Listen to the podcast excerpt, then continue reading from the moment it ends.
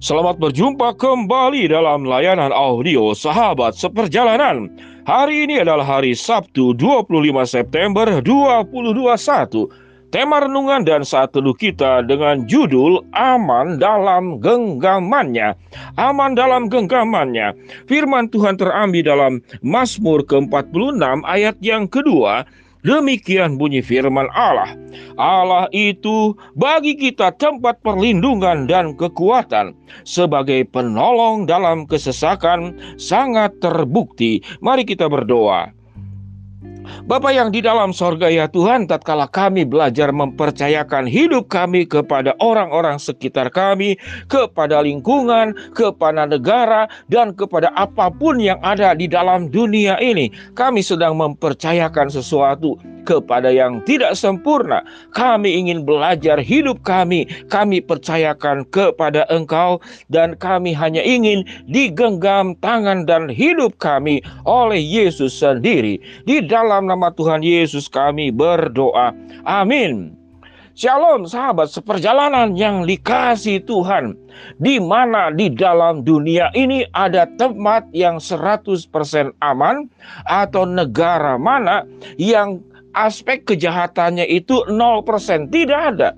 Singapura adalah negara yang paling aman di seluruh dunia Diikuti oleh banyak negara-negara Eropa. Dan yang menarik Indonesia termasuk. Jajaran sekitar 30 dari negara yang teraman dari yang saya lihat dari Google yang terbaru. Kita bersyukur untuk negara Indonesia dibandingkan beberapa negara di dunia yang selalu ter, terakibat oleh banyaknya peperangan-peperangan saudara dan salah satu indikator apa itu tempat yang aman adalah sewaktu Anda berjalan di malam hari sendirian. Sahabat seperjalanan yang dikasih Tuhan, kita mau bicara tentang tempat, namun kita akan ke tempat mana di mana kita merasakan hidup itu paling aman. Sahabat seperjalanan kita belajar dari yang paling buruk dulu. Berapa banyak sahabat seperjalanan yang mempercayakan hidupmu digenggam oleh seseorang, hidupmu digenggam oleh orang yang kita anggap kasihi, yang anggap ya kita anggap cintai, dan tidak pernah ada keraguan sedikit pun kepada orang yang bersangkutan. Namun pada akhirnya kemudian kita berpisah dengan orang tersebut, lalu kemudian justru orang tersebut yang menusuk dan menikam dari belakang bukan dalam artian ditusuk dan ditikam oleh pisau, namun ditusuk dan ditikam oleh pengkhianatan. Apa rasanya? Dari rasa aman dan rasa percaya menjadi rasa yang terancam dan rasa dihianati Pengalaman buruk seperti itu sering kali berdampak tidak hanya pada saat kejadian dan waktu yang pendek, namun kemudian berkelanjutan sepanjang hidup kita. Kita menjadi tidak pernah mempercayai siapa pun juga. Bahkan kita tidak mempercayai Allah di dalam kasus yang sangat berat. Sahabat seperjalanan yang dikasihi Tuhan, di mana tempat aman di dalam dunia ini? selalu ada aspek sekian persen sekalipun kecil, yaitu faktor ketidakamanan. Naik pesawat terbang berisiko sampai, berisiko juga tidak sampai. Naik kendaraan, naik kapal laut, naik apa lagi? Sahabat seperjalanan yang dikasih Tuhan, bahkan tatkala kita sakit ke dokter pun, tatkala dokter tidak hati-hati, bisa mengalami keadaan yang tidak aman. Saya membaca di surat kabar Kompas sekian puluh tahun yang lalu, tentang malpraktek dari kedokteran.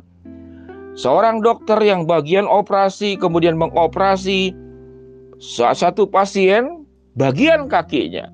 Setelah selesai operasi, kemudian suster bertanya, "Dokter, sudah selesai operasinya?" "Sudah." "Suster?" Lalu susternya bertanya, "Dokter, operasi kaki kiri atau kaki kanan?" "Saya operasi kaki kanan." "Dokter, yang sakit itu kaki kiri, bukan kaki kanan." Bayangkan sahabat seperjalanan, salah operasi, akhirnya dua-duanya kakinya bermasalah. Yang bermasalah tidak dioperasi, yang sehat kemudian dioperasi. Sahabat seperjalanan, ini kisah sederhana dari kenyataan hidup. Di mana di dunia ini yang aman, kita mempercayakan anak kita kepada calon mantu kita. Kita mempercayakan mungkin anak kita kepada sekolah kita mempercayakan anak-anak kita kepada pembantu, babysitter, atau siapa pun. supir, dan segala macam. Ini dunia yang tidak sempurna. Tidak ada tempat yang paling aman di dalam dunia ini. Masa depan kita diiming-iming, ayo ikut bisnis, ayo ikut bekerja, engkau akan mendapat keuntungan 1, 2, 3, 4, 5 setelah dijalani apa yang dijanjikan, apa yang kemudian disampaikan itu ternyata janji palsu. Apa yang terjadi tatkala kita kemudian di PHP, pemberi harapan palsu, sakit luar biasa sahabat seperjalanan. Di tengah-tengah ketidakpastian di dalam dunia ini, sekalipun kita tetap harus belajar mempercayai manusia, karena tidak ada hubungan yang tidak saling percaya yang bisa berjalan. Kalau tidak saling percaya, kita akan jalan hidup masing-masing sendiri-sendiri. Kita makhluk sosial, tidak mungkin kita berjalan sendiri. Kita membutuhkan manusia. Namun berhati-hatilah dan pandai-pandailah memilih situasi, memilih pekerjaan, memilih orang, memilih apa pun di dalam hikmat yang dari Tuhan dan pengalaman hidup dari orang-orang yang sudah berpengalaman agar tidak terjerumus memberikan kehidupan kita, masa depan kita, keluarga kita kepada orang dan tempat yang tidak aman. Alkitab berkata, tempat mana yang paling aman? Allah itu bagi kita tempat perlindungan dan kekuatan. Sebagai penolong dalam kesesakan sangat terbukti. Alkitab mencatat Allah itu tempat perlindungan. Allah itu kekuatan. Allah itu penolong. Pada masa apa? Pada masa kesesakan. Dan Alkitab mencatat sangat terbukti. Allah tidak hanya berjanji, tapi Allah membuktikan. Bahkan kalau kita boleh katakan, apa bedanya manusia dengan Tuhan? Manusia itu banyak berjanji, pembuktiannya itu adalah sulit. Tetapi Tuhan itu lebih banyak membuktikan daripada dia berjanji. Karena Tuhan tidak perlu banyak berjanji, tapi membuktikan bagaimana mencintai dan mengasihi engkau, melindungi engkau. Alkitab mengatakan, memberi kekuatan kepada engkau, menolong engkau. Persoalannya, apa problem hidupmu saat ini? Engkau mempercayakan hidupmu kepada siapa? Maka kita yakin dan percaya, kita harus cari tempat yang paling aman.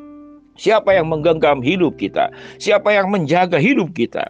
Siapa yang melindungi hidup kita? Siapa yang memberi kekuatan kepada hidup kita? Siapa yang menolong hidup kita? Firman Tuhan berkata, Allah itu bagi kita tempat perlindungan dan kekuatan sebagai penolong dalam kesesakan sangat terbukti. Sahabat seperjalanan yang dikasih Tuhan. Di tengah situasi sulit dan tidak pasti ini. Kita lihat kiri kanan depan belakang semuanya tidak pasti di dalam ketidakpastian, di dalam ketidaktahuan, di dalam kegelapan, di dalam kesesakan, di dalam keterjepitan, di dalam kebuntuan. Allah menjanjikan penyertaan dan rasa aman di dalam genggaman tangannya. Sahabat seperjalanan yang dikasih Tuhan, tiap langkah hidup kita itu disertai oleh Allah dan Allah tidak membiarkan kita hidup dalam kesendirian. Lebih banyak kita kemudian bersaat teduh berdoa, mendengar suara Allah di dalam doa penyembahan. Dan sewaktu kita membaca firman sahabat seperjalanan sewaktu engkau semakin dekat dengan Tuhan engkau akan akan rasa nyaman dalam genggamannya. Sahabat seperjalanan yang dikasih Tuhan anak-anak kita yang masih kecil sewaktu berjalan bersama dengan kita dia ada rasa aman karena kita orang tuanya sahabat seperjalanan adalah anak-anaknya Allah sewaktu engkau berjalan bersama dengan Allah tidak hanya rasa aman yang engkau dapatkan, rasa nyaman yang engkau dapatkan, namun Tuhan itu melindungi, memberi kekuatan sebagai penolong dalam kesesakan sangat terbukti. Mari kita berdoa. Bapak yang berdoa, Bapak yang di dalam surga, hamba berdoa buat sahabat seperjalanan yang barusan melahirkan dan ada bayinya yang kurang sehat. Tuhan hambamu berdoa untuk dua pasangan yang sedang punya baby. Tuhan beri kesehatan buat ibu dan anaknya. Kami serahkan ya Tuhan bersyukur juga untuk seorang sahabat seperjalanan yang memberikan donasi untuk anak asuh hambamu. Hambamu bersyukur. Saat ini hambamu berdoa untuk sahabat seperjalanan yang sakit Tuhan jamah sembuhkan. Yang sedang menghadapi masalah Tuhan bukakan jalan. yang sedang berdoa mengharapkan sesuatu, Tuhan akan berikan sesuai dengan waktu rencana dan kehendak Tuhan. Dalam nama Tuhan Yesus kami berdoa. Amin. Shalom sahabat perjalanan yang dikasih Tuhan. Happy weekend. Aman dalam genggaman tangan Allah. Shalom.